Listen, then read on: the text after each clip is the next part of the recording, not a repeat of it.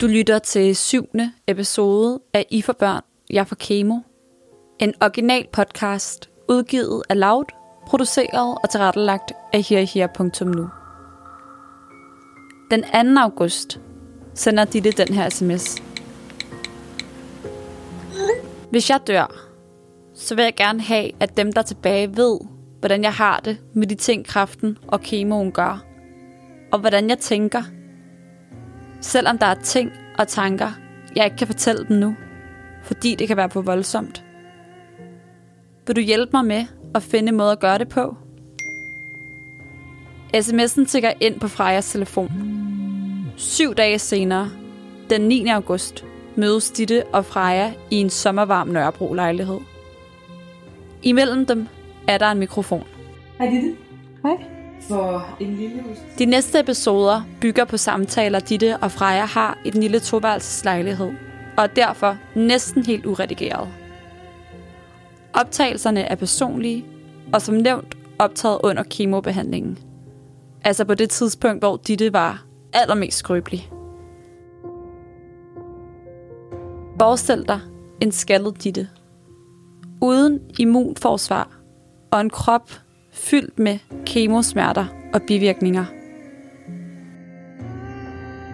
Prøv at forestille dig, hvordan Dittes veninde Freja nervøst hjælper Ditte med at optage hendes tanker.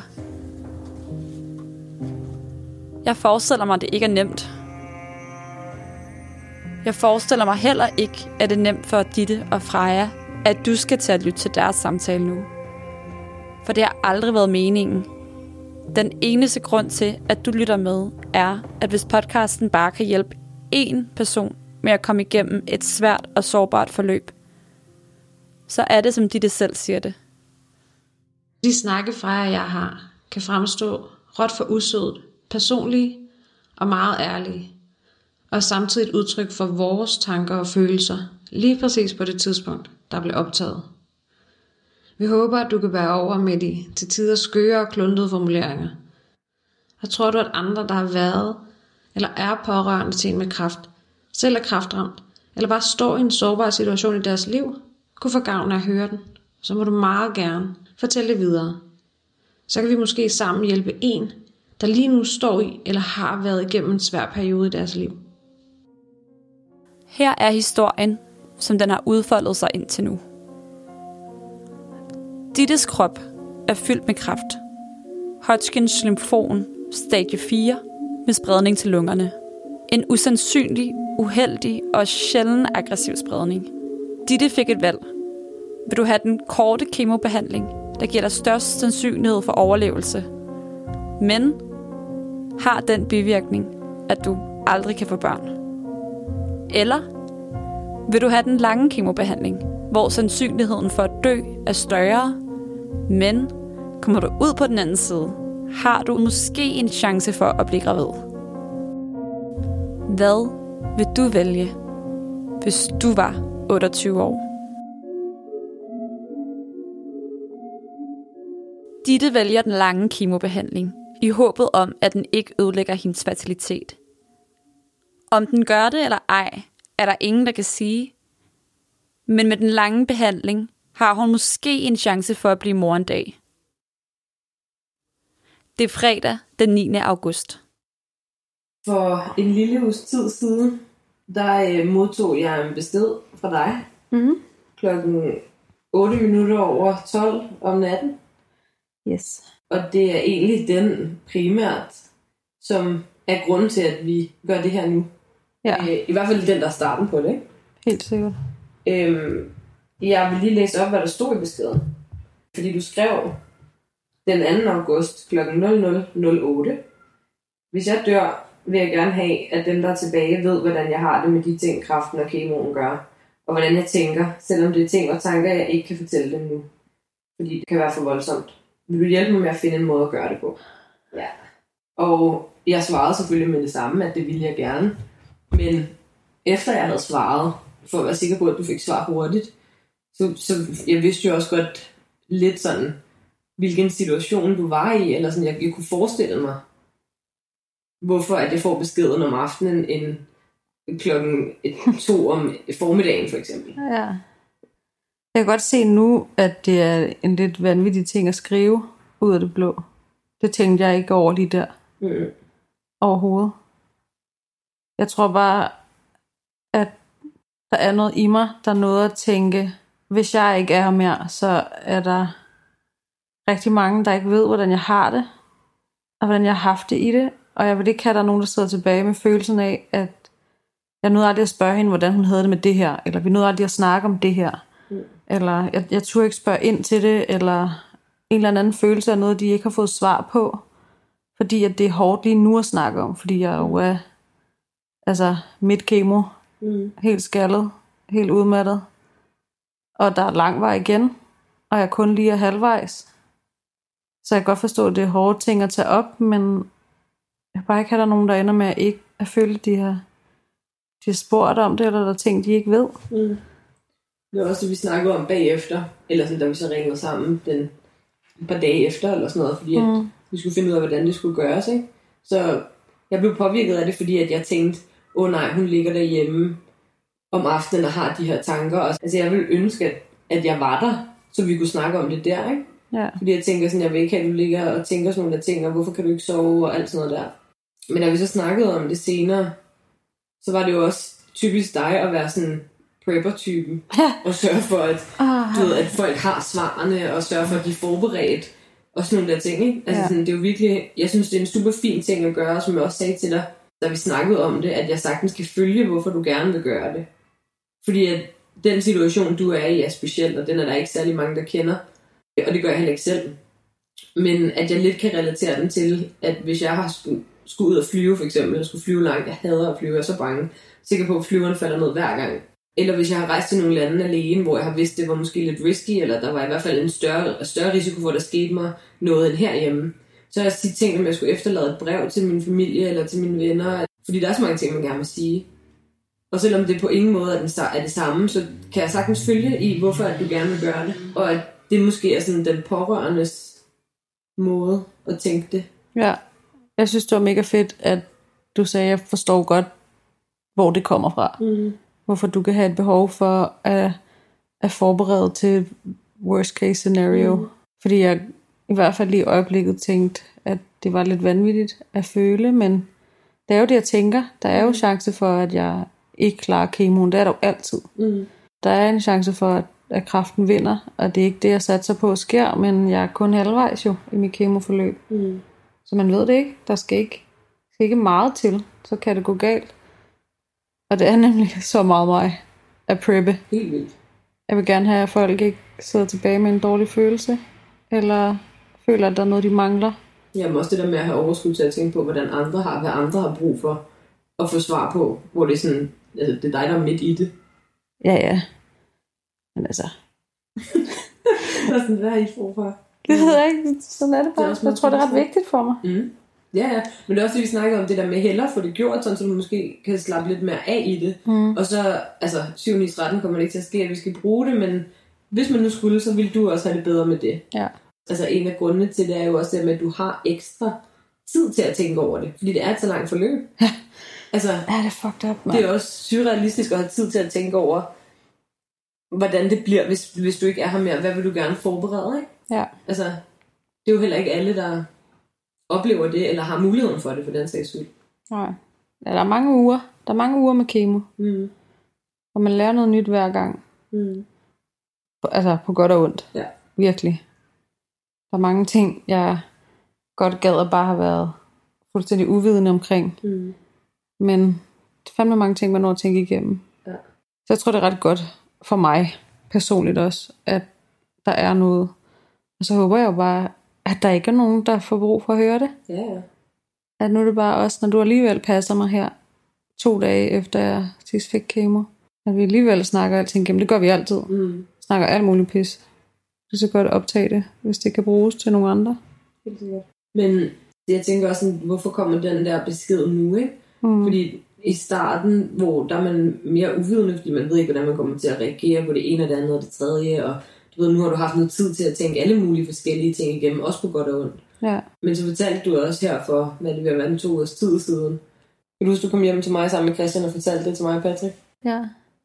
Der er sådan noget, der hedder kraftværket, hvor at det, hvis man er under behandling eller har været i behandling for kræft og er i gang med at komme sig, så er det sådan et sammenhold, hvor man kan være med til nogle aktiviteter og lave noget sammen med andre unge, der også har haft kraft eller kender til kraftforløb på egen krop. Der er jeg ikke så god til at bruge det. Jeg synes stadig, det er grænseoverskridende. Men i den bliver man både en del af et fællesskab, men man bliver også konfronteret med, hvad for nogle konsekvenser der er ved det, at vi er skrøbelige, fordi der er for ikke så lang tid siden netop var en besked om, at en af dem, de andre piger i gruppen, hun havde så stille ind, og det skulle vi selvfølgelig informeres om, fordi hun var jo medlem og var der jo, og der ville blive lavet en mindehøjtidlighed, hvor at sådan nogle ting gør det bare virkelig, virkeligt. Mm. At ja, det er også det, der sker. Ja. Folk dør af det her. Også dem, man kan se, hvis Facebook-billedet er lige der, mm. eller dem, der også bliver inviteret til de samme events i det netværk ja. som en selv, dem, der ligesom er en del af det der. Og som ikke nødvendigvis er i samme stadie, eller fejler det samme, eller sådan, mm. altså, men, men får kemo, ikke? Ja. Og det var, det var også på grund af en infektion. Generelt er infektion bare det, der ligesom gør, at man får øjnene op for, at øh, man er så skrøbelig. Mm.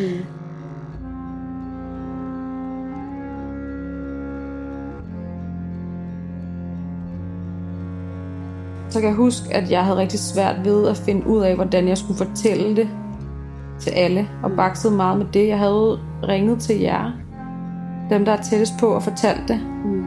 Men på det tidspunkt, der havde vi ikke rigtig snakket med dig andet end det opkald. Og selvfølgelig skrevet, Ja. men det var stadigvæk meget sparsomt. Mm. Fordi at de jo sagde det der, så, så fik vi at vide, okay, regn stadie 2. Okay, mm. du ved, ind og læse på, på, hvordan man bedømmer stadierne, og hvad betyder de forskellige numre, og alt sådan noget der. Så forberedte man sig jo på, at, Ja. at det var en, et stadie 2 forløb, man skulle igennem, ikke? Ja, Og så fik, man en, så fik vi en invitation der 11. maj. lige præcis. Ja. Jeg havde rigtig svært ved at finde ud af, hvordan jeg skulle sige det til alle, fordi jeg kunne mærke, at det, det tog også på mig at skulle ringe og forklare alle, eller skulle ringe og snakke følelser ja. med alle, øhm, og jeg skulle lige samle mig mine egne tanker selv, mm. og jeg skulle lige sådan samle min kampgejst og være sådan, det klarer vi bare, det kan jeg godt finde ud af, det kan jeg godt rumme, jeg har været i modvind før, det kan jeg godt, men jeg bliver nødt til at have folk med mig. Så derfor tog jeg den beslutning, at jeg skrev ud til mine tætteste venner, om de havde lyst til at sætte tid af den lørdag, der lå et par dage efter, og bare komme. Det behøvede ikke tage lang tid. Jeg kunne bare godt tænke mig at informere dem om samlet, hvad det var, jeg vidste indtil videre, hvad det var, jeg havde brug for, og vi lige fik snakket og åbnet op om det. Mm. Og så tænkte jeg, jeg ved jo, det er jo min gruppe af venner, så jeg ved jo, hvor forskellige I er, hver især. Og nogle af dem er fra studiet, og dig, der går længere tilbage. Jeg har også nogle, der er fra børnehave, nogle fra folkeskole. Sådan den gruppe mm. af venner, som jeg holder fast i altid. Jeg ved, I er forskellige. Jeg ved, I håndterer det forskelligt. Jeg ved, I vil gå til min sygdom forskelligt, fordi vores relation er forskellig. Men jeg tænkte bare, at det kunne godt være, at det kunne gavne jer alle sammen, at det netop var forskelligt. Jeg ved, der er nogen, som instinktligt bare ikke kan håndtere det, og er ked af det, og ikke kan stille spørgsmål, og ikke kan få sagt det, de gerne vil. Så ved jeg, at der er nogen som dig, som har brug for at læse op på alting. Ja. Hvad for nogle mineraler, hvad skal vi have, hvad er det Ja. godt at spise, hvor meget ved jeg her, hvor meget alt det der. Ja. Jeg ved, der er nogen, der har brug for at stille en masse spørgsmål, og nogen, der er forudseende, og nogen, der, mm. der tænker praktisk. Og jeg tænkte bare, at det kunne gavne hinanden, at man sad der, og hvis man var dem, der ikke kunne finde at stille spørgsmål, kunne man høre de andres. Så kunne Og, man mindst stadigvæk få svar på nogle af de tanker, der gik ind i ens hoved, ikke? Selvom Lige man måske præcis. ikke lige havde overskud til at formulere det. lige præcis. Så jeg inviterede til bare lige komme forbi og høre, og jeg havde ikke gennemtænkt, hvad jeg skulle sige, eller hvordan det skulle være, men I var alle sammen klar og kom mm. der kl. 11 Det lørdag. var også sygt, og det var også mega... Altså, det var også sådan, det var der ingen af os, der havde prøvet før, vel? Nej, Ja, det var bare sådan, det, jeg var sådan, skal jeg skrive og om jeg skal tage en kage med, eller er det Ja. en kagesituation, eller du ved, altså, hvad, hvad, hvad, skal, hvad, hvordan snakker gør man til det her Ja, hvordan gør man? Altså, det er jo underligt. Det er jo så, det er jo så mærkelig en situation at være i for alle. Altså, der er ikke nogen, der har prøvet at afholde eller komme til sådan, til sådan noget før. Nej, jeg kan huske at takke lov for det. Ja, ja, heldigvis. Ja, jeg kan huske, at jeg var et vrag op til. Mm. Altså, jeg var helt ude af mig selv. Jeg vidste ikke, hvad jeg skulle sige, og det, nu kom I alle sammen der, og jeg skulle... Altså, jeg har, har ringet og fortalt jer, hvad jeg fejler, men jeg har ikke set jer, for jeg havde ikke set nogen. Nej. Jeg havde brug for, at det bare var mig og Christian, og vi snakkede alting igennem, og Ja. jeg skulle lige finde mine tanker i det, og alt sådan noget. Og nu skulle jeg se jer alle sammen. Ja, ja, Og jeg græd jo hver gang, der kom en ind ad døren. Ja, ja. Og det der med at kramme, og vi græd jo alle sammen. Det var fandme et stort tudeshow. Ja. ja, jeg kan huske, jeg havde smækbukser på, med en lomme på, ja. på, øh, på brystet. hvor jeg også lige fik puttet, øh, hvad hedder det? Lommelette ned Ja, der var fyldt med snotpapir dernede, fordi man vidste bare, at det var en, en årlig omgang, der man skulle igennem der. Det er det.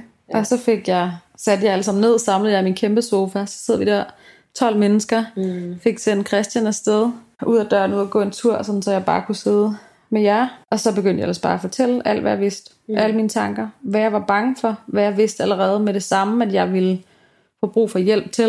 Ja. Fik sagt, at jeg ved, at jeg er verdensmester i at være dårlig til at bede om hjælp, men jeg ved også, at Christian er, er nummer to. Mm. Virkelig close runner-up. Og derfor, at jeg også gerne ville have hjælp til ham, og hjælpe med at støtte ham, så han ikke stod med det alene. Og jeg fik mulighed for at fortælle jer, hvad jeg frygtede allermest, men også, hvor jeg var sådan, det klarer jeg, det, det her, det gør vi sammen. Og så var der plads til, at I hver især kunne stille spørgsmål, eller stille nogle virkelig gode spørgsmål. Vildt. Øhm, Ja.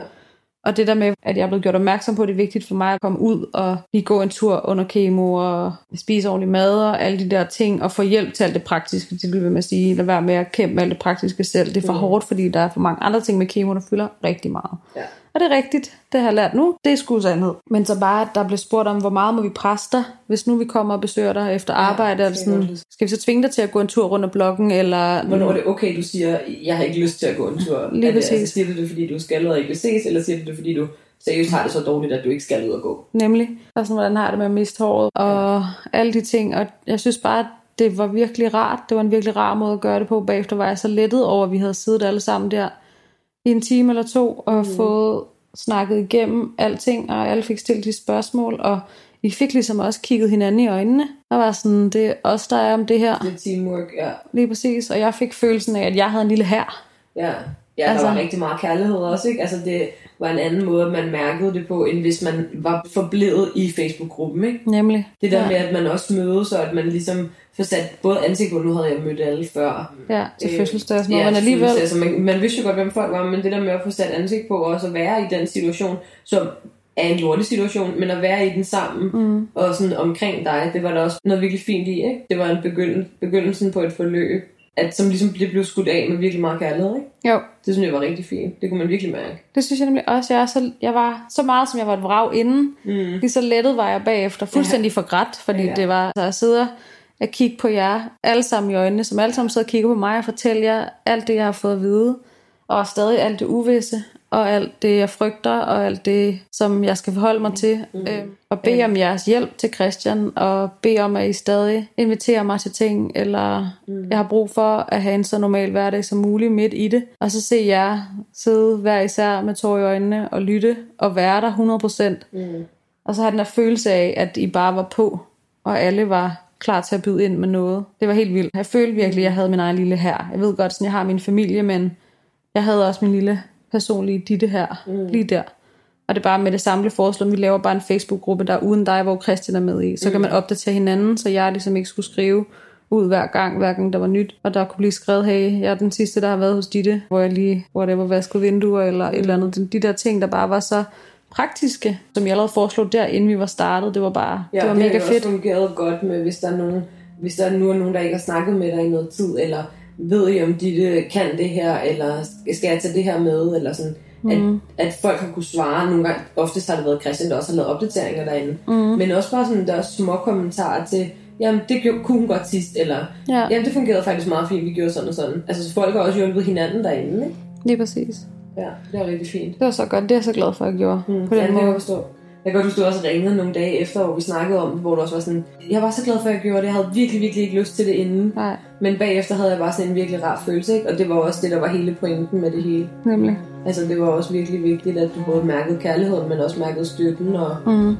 og fik fortalt det sådan, så du ikke skulle fortælle 12-15 mennesker det samme. Ja, ja Så lige det er også meget at bede om, ikke?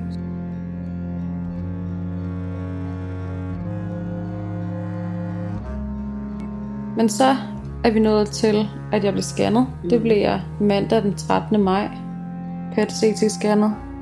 Spændende oplevelse. Kom ind i rumskibet der. Og noget med noget sukkervand, ikke? Lige præcis. Det er ikke en oplevelse, jeg øh, synes var øh, sådan vanvittig, eller noget, jeg altid vil huske. Det er mere følelsen af, at i dag er det, der afgør, hvad der skal ske næste stykke tid. Hvad er mine chancer, hvad er spredning, alt muligt. Ja.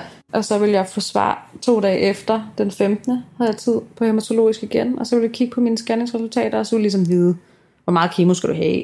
Hvad er spredningen? Hvad skal der ske? Mm. Så det var der ligesom, det var startskuddet rigtigt. Så Christian og jeg, vi sad dagen inden, vi fik svar på scanningen, og vi lige læse op på de to kemobehandlinger, det kunne være, jeg skulle få. Jeg sad der igen, jeg er lidt prepper-typen, så jeg vil gerne lige have, bare have læst, uden at... Uh, ja, det er ikke sådan, at jeg har sat mig ned og googlet alt, fordi det har jeg ikke behov for, men jeg vil gerne, det hospitalet har givet om behandling, ja. det vil jeg gerne have læst inden. Og så kan jeg lige så godt lade være med at pakke det ind, når man sidder og læser, hvad kemo gør ved kroppen, er det på ingen måde opløftende læsning. Det er det bare ikke. Så vi sad med hver vores boller, så vi kunne skifte. Jeg med den ene behandling, Christian med den anden slags, så kunne vi skifte, og efter vi havde læst dem begge to, så var det godt 15 minutter, hvor vi ikke sagde noget til hinanden. Ja. Fordi vi, det føles som om, man sidder og læser, at hele ens krop og ens verden bliver pillet fra hinanden. Mm.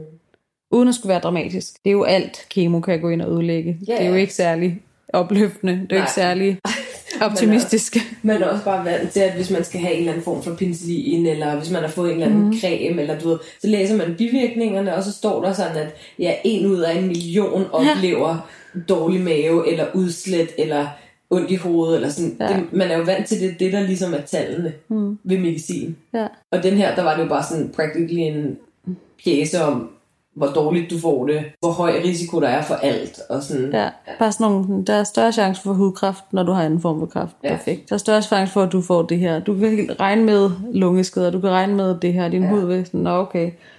Så vi sad der aftenen og tænkte, okay, ligegyldigt hvad det er, så er det pis, ja. men lad os da håbe, at, øh, at det bare er stadie 2, som, som han havde sagt min læge. Ja, så det ikke er Øhm. helt så langt forløb. Lige præcis. Ja.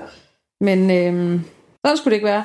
Så da jeg kom ind den 15. og fik svar på scanningen, der var det en lidt anden stemning, end da jeg havde været der ugen før og mødte dem for første gang, mine hematologer. Fordi det viste sig, at øh, min lymfekræft havde formået at sprede sig til mine lunger og var i lungevævet. Og det betyder, at jeg havde kræft i hals og bryst og ned til diafragma, og selvfølgelig i armhuler og alle lymfekirtler, der er i den del af kroppen. Men min kræft også havde været i gåseøjne klog nok til at hoppe ud og være i blodet, og det så havde sat sig i lungevævet. Og det gør, at jeg er stadie 4 ud af 4 og hører under kategorien avanceret sygdom, fordi kræften ligesom har delt sig til en Muteret sig til ja, den er simpelthen klog nok til at blive en anden form for kræft, der er i, i blodet også, og i vævet, og ikke kun i lymfesystemet. Så det viser sig at være noget helt andet, end det vi havde regnet med. Og jeg skal have kemo i 6 måneder, med stråling derefter, og ikke de to eller fire måneder, som vi havde regnet med. Og selvom at det indledningsvis ikke var babu babu, hvis jeg ikke fik kemo den første uge, så var det ikke helt sådan den her gang, at jeg skulle have kemo med det samme. Vi havde altså kun tid at spille ved at sidde og, dvæle ved det, så jeg skulle have kemo den dag. Så det var lidt af et chok. Det var en helt anden oplevelse at sidde der og få det at vide med min far og med, med Christian. Øh, måske lige skulle forholde sig til det, at det var et helt andet billede. Og det var ikke fordi, at min læge ikke var i stand til at give en rigtig prognose første gang. Det er simpelthen bare fordi, det heldigvis ikke sker så tit, at lymfekræft breder sig sådan her på den her måde og hopper ud i blodet. Jeg er jo bare uheldig, at den har, har kunne det mm. og kunne sprede sig sådan. Men det gjorde også bare, at øh, alt det, vi lige havde kunne sådan åndeligt lettet op over, det skal nok klare, det lige blev revet væk Mm. Fra en, og det var en helt anden situation. Og den var lidt svær. Det var lidt som at skulle fortælle om diagnosen igen. Mm. Jeg havde lidt følelsen af, at den dag, der bliver jeg nødt til at fortælle endnu en gang, for jeg havde jo siddet over for alle jer og sagt, de regner med det stadie 1 eller 2. Mm. Det klarer jeg med altså, højst sandsynligt fire måneder ja. Til at være noget helt andet. Og jeg er generelt ikke sindssygt god til at pakke ting ind. Jeg kan bedst lige at være ærlig, så jeg besluttede mig for at nødt til at skrive ud til og sige, ja, resultatet var ikke, som vi havde håbet. Mm. Og det viser sig, at det er det her, det her. Og det var også den dag, hvor jeg fandt ud af, at jeg blev nødt til at fortælle det til alle mulige andre. En ting er at få øjnene op for, hvor skrøbelig man selv er. En lige så svær ting er at møde kraften i andres øjne. Ditte har et ar på halsen, hvor den ene knude blev fjernet, og håret forsvinder også på det her tidspunkt, og været nervøs for at møde folk på gaden. Ja, men vi snakkede også meget om det der inden, ikke? Fordi det hele, det gik virkelig hurtigt på, på det her tidspunkt. Mhm. Fordi de havde jo også allerede forberedt dig på, den dag du fik at vide, at du var i stadie 4, Mhm. så går der tre timer, to timer, blodprøver og sådan noget, så skulle du have kemoen. Ja. Så du skulle både have taget prøver, vælge øh, hvad hedder, behandlingsform, Mm. og få din kemo for første gang. Ja. Og så havde de jo sagt til dig, at du skal ikke regne med, at der går meget mere end et par måneder. Så har du ikke mere hår. Mm. For det var også en kæmpe ting på det tidspunkt. Mm. Og stadigvæk er. Ja, så hvornår kan folk se, at jeg er syg? Præcis. Jeg har aldrig været nervøs for at miste håret. Faktisk overhovedet ikke. Det, jeg er nervøs for, det er, at jeg ikke selv kan vælge, når jeg ser syg ud. Ja. At jeg kan gå ud på gaden og være sådan, der er ikke nogen, der kan se, at jeg har det dårligt i dag. Ja, det kan ikke være anonym på nogen. Det forsvinder lidt, når man mister håret. Så det var mere det med, at jeg blev nødt til ikke at blive fanget i det. Jeg blev nødt til at fortælle, Mm. at jeg var syg, inden folk kom og undrede sig. Ja. Og jeg vil gerne have, at folk hører det fra mig. Så det var allerede der den 15. maj, at jeg besluttede mig for, at der havde jeg fået stadiet. Jeg har fået at vide, hvad der skulle ske. Jeg var startet kemo. Lige om lidt er det tydeligt på mig, at jeg er syg. Mm.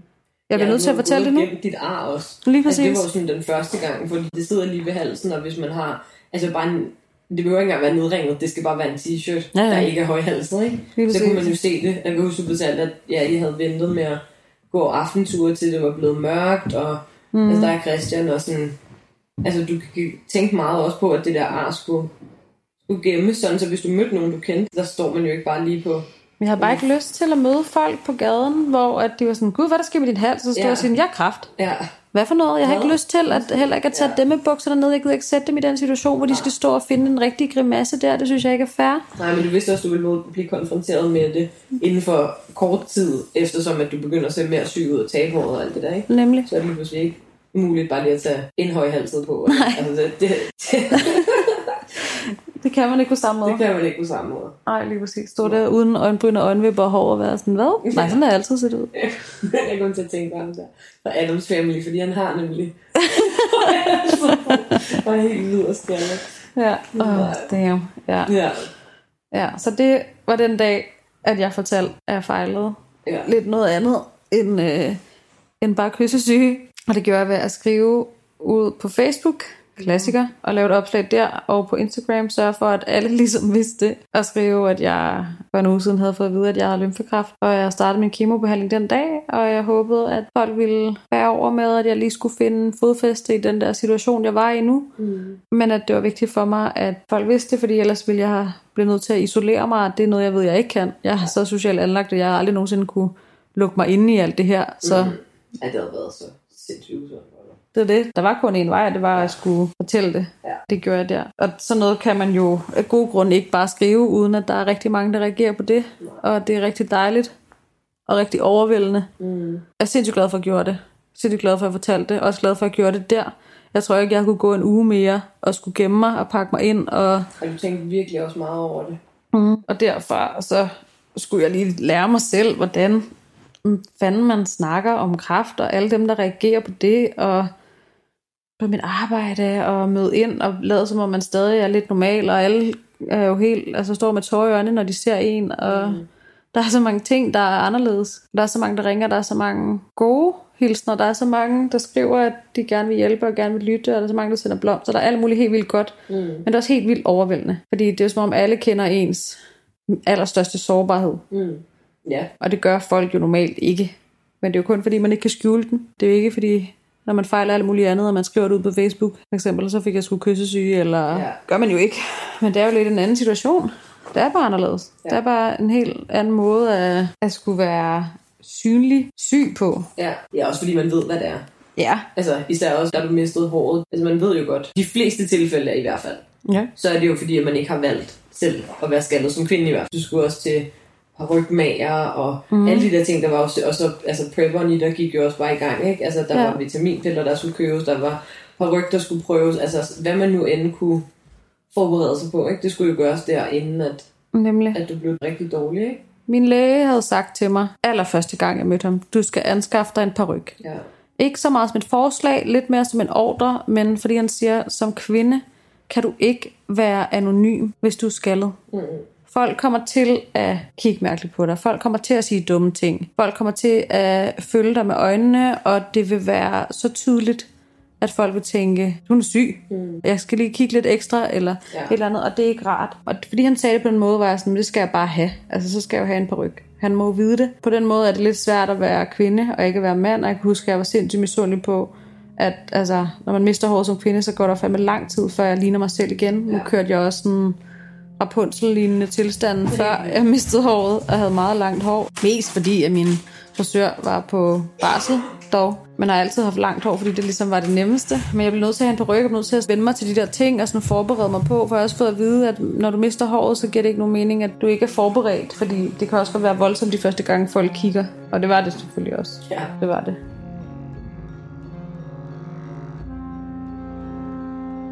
Dittes storebror Daniel Svensson er offentlig kendt, da han er professionel håndboldspiller. Daniel har tidligere gået igennem to kraftforløb. Så da Daniel fortæller omverdenen, at hans lille søster har fået kræft, ændrer det Dittes situation på en underlig måde.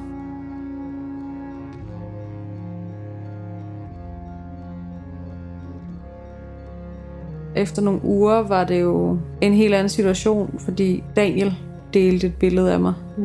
på sin Instagram-profil, som skabte en helt anden opmærksomhed, som jeg aldrig nogensinde havde forberedt mig på, og som jeg ikke vidste, hvordan jeg skulle forholde mig til, og som jeg ikke er sikker på, man kan preppe, Det kan man. selvom man gerne vil.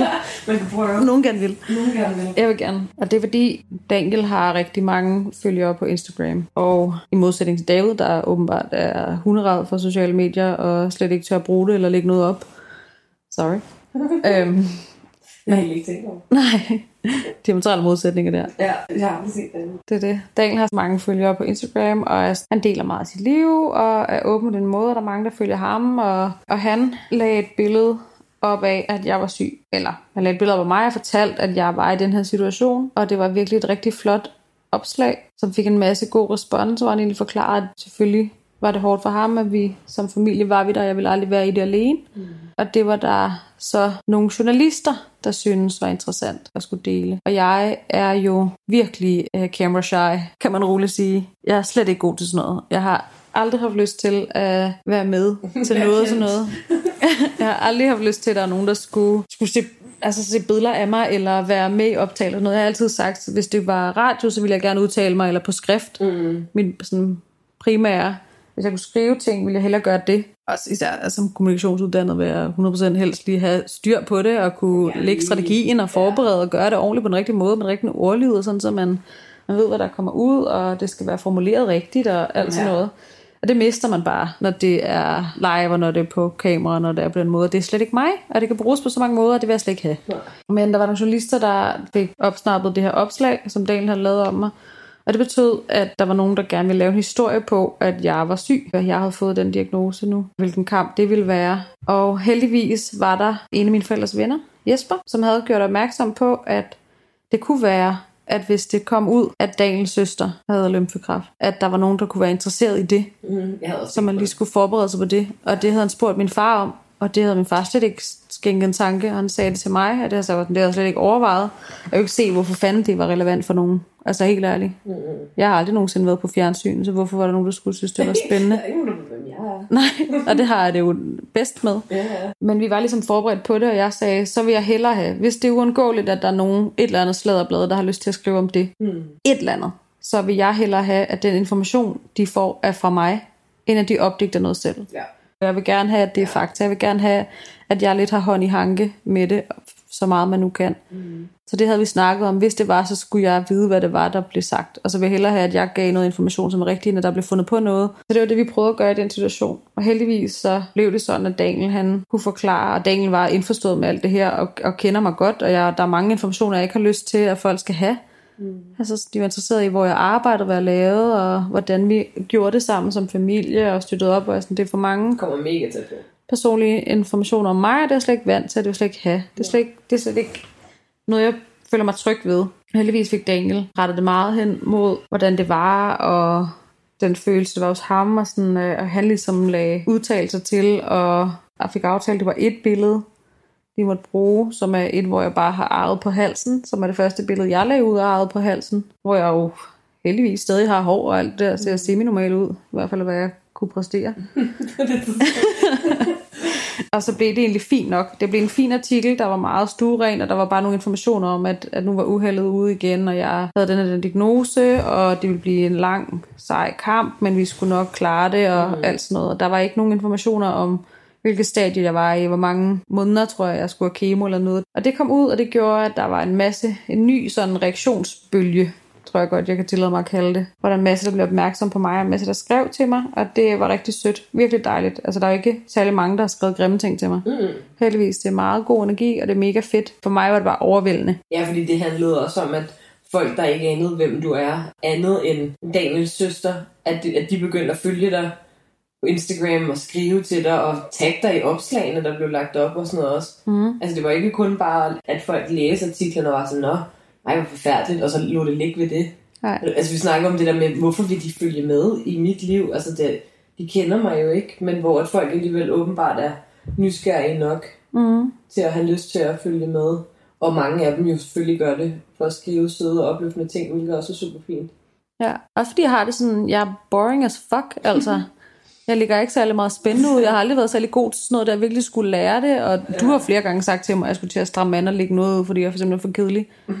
og sådan noget, så jeg skulle ligesom lige forstå, hvad er det, der er interessant. Det er interessant, at jeg er syg. Jeg er spændende nu, fordi jeg er syg. Ja. Det er en mærkelig Ja, følelse. det er nemlig det. Jeg har ikke præsteret noget flot. Jeg har altid gået meget op i faglighed og kompetencer, så jeg har ikke præsteret noget nu. Jeg Nej, nu skal du følge mig, fordi at jeg er syg. Ja. Great. det er en, det er en Ja. mærkelig følelse, og jeg skulle lige forstå den, og jeg skulle lige sådan, hvorfor er der så mange, der deler de her artikler på Facebook? Mm. Og det der med, at det popper op, når det er flere forskellige blade, når det er Se og Hør, BT og Ekstrabladene, det kommer alle mulige steder fra, og så, fordi det var Daniel, så pludselig var det også i de der skide sportssider af dem også, så det var dobbelt Ja. pisse frustrerende. Ja. Hvorfor vil folk like det? Hvorfor er der så mange, der liker det? Hvorfor er der så mange fremmede mennesker, der skriver kommentarer? God bedring til jer, alt det bedste vinder, hvor er det? Held og lykke, Ditte, hvor jeg, sådan, jeg aner ikke, hvem I er. Ja. Det er virkelig svært at forholde sig til, og så mange, der deler artiklerne som mennesker, aldrig har mødt før i mit liv, som Daniel heller ikke kender. Der er ikke nogen fælles venner, der er ikke nogen relation. Det er mennesker, der bare har lyst til at tilkendegive, at de ønsker det bedste. Mm. Det er så vildt. Det er så vild en følelse. Det er jo kun kærlighed. Det er jo Ja, kun det er det. Og jeg kan virkelig ikke andet end at tage hatten af for folk, der gør det, selvom jeg ikke kan, jeg har svært ved i min situation at forstå, at jeg er spændende nok til det. Ja. Så det er lidt sådan ambivalent af, hvor jeg er spændende, fordi jeg er syg, men hvor er der også bare kommet mange sindssyge gode kommentarer, folk, der har skrevet så meget sødt Mm. ud af det blå og brugt tid på det. Det Ja. synes jeg er helt ja, vildt. det er jo nemlig rigtig sødt. Mm. Jamen, det er også lidt, jeg kommer til at tænke på dem på Facebook, der altid skriver tillykke med fødselsdagen til en, men hvor man aldrig skriver til dem, og sådan, altså, du ved, ikke skriver noget til dem. Ej, er du her- sådan en? ja, nej, jeg glemmer bare altid at skrive til folk. Ja. Altså, hvis det er nogen, ikke hvis det er mine tætte veninder og venner og sådan noget, så skriver jeg, men så skriver jeg mere end sms jo. ja. Men der er bare nogen, som er, det er jo så dejligt at få beskeden. Ja. Men måske kender man dem ikke så godt, eller måske var det sådan en eller anden, der gik i en klasse over en i folkeskolen, og man ikke har snakket med siden, eller sådan. Men det er lidt det der med, du ved ikke, hvad der foregår i mit liv, men du vil gerne dele ting om mig, og skrive ting til mig og sådan noget. Det er jo, Ja. Og det er jo rigtig dejligt. Jeg kan lige sige, at jeg er en af dem, der altid skriver tillykke til folk. Ej, du bare lige så vi har det til på det. tape. Du og er tape. til det. Ja. Og det værste er, at jeg ser tit, når det er fælles venner, at du har skrevet en lang sød besked, og have en dejlig dag og sådan noget, og så får jeg endnu dårligere samvittighed over, at jeg ikke har En gjort lang tid besked. Jeg synes bare, det er mega sødt at skrive tillykke til Jamen, det folk. er det. Bare lige sådan, Det hey, jeg håber, det bliver fejret. Ja, så det er også noget med, altså... Det er jo Men det her, der det er jo med- fremmede mennesker. Ja, det er helt fremmed. I de her artikler, mange det er helt der er skrevet til mange, måske også lidt mere fremmed. Ikke lige så fremmed, men hvor man tænker sådan, okay. Ja. Men det er jo så sødt, at de tager, tager sig tid til at gøre det, fordi det betyder Helt rigtig meget, når der er mange, der gør det. Mm. Altså, så er det lidt mere sådan et, et øh, virtuelt kram, ikke? Jo, helt vildt. Og det er kommet bag på mig, hvor meget det kan varme. Hvor meget beskeder og kommentarer fra fremmede mennesker kan varme mig og gøre mig glad. Ja. Den må de er sådan, hold da kæft, hvor er det så sejt, eller jeg hæpper på dig, eller, eller sådan her, hold da op. hvor er det vildt. Det er en vild følelse. Og Altså- fedt, at det kan lade sig gøre. Altså, er sådan en, for dem har det måske bare lige været, som du siger, en hurtig fødselsdagsbesked, som du også selv er god til at Mhm. lave, ikke? Det har det jo også været for dem. Ja, Lige hurtigt at skrive god ven og hjerte hjerte og held og lykke med det hele og sådan noget, men det betyder jo bare rigtig meget alligevel. mm. Jeg skal blive bedre til at skrive fødselsdagsbeskeder til folk. ja det skal du. Nej, men det er bare, jeg føler i hvert fald, at jeg havde sådan en, jeg fik lov til at offentliggøre for mine venner mit netværk her. Jeg er i den her situation, bær lige over med mig, mens jeg på vaklende fødder finder fodfæste i det her. Jeg tror, det bliver hårdt, men jeg skal nok finde min vej i det. Og så var der sgu en runde to, hvor at det ikke var mig. Hvor at det, uden at vi havde kontrol over det, så vi kunne ikke undgå det. Vi kunne ikke sige, det skal I ikke skrive om, fordi vi, det er ikke selvfølgelig, at det så ikke er interessant. Og så prøve at gøre det på den bedst mulige måde, og så er det ude, så er det en gang, og så få sagt det, man har lyst til at få sagt Mm. på den måde, komme med der. Så det var lidt en anden oplevelse. var lidt vildt. Men lige pludselig følte jeg sådan, hold da op, der er mange, der ved det nu var. Ja. Øh, det er da helt vildt. Noget, der er så personligt. Ja, og jeg blev også nødt til at skrive ud til jer i den der tråd, vi havde, hvor jeg havde inviteret jer til den der øh, informationslørdag om, hvad fanden der skete. Ja. Blev også nødt til at skrive, bare lige så I ved det, de her artikler kommer ud nu. Jeg tror, det var Christian, der gjorde det. Han, han sendte linksene og skrev bare til ops, hvis, Ja. hvis I hører et eller andet, eller ser noget. Det her er det, der er blevet lagt ud Ja. indtil videre. Og så kom der en en uge efter et eller andet sports.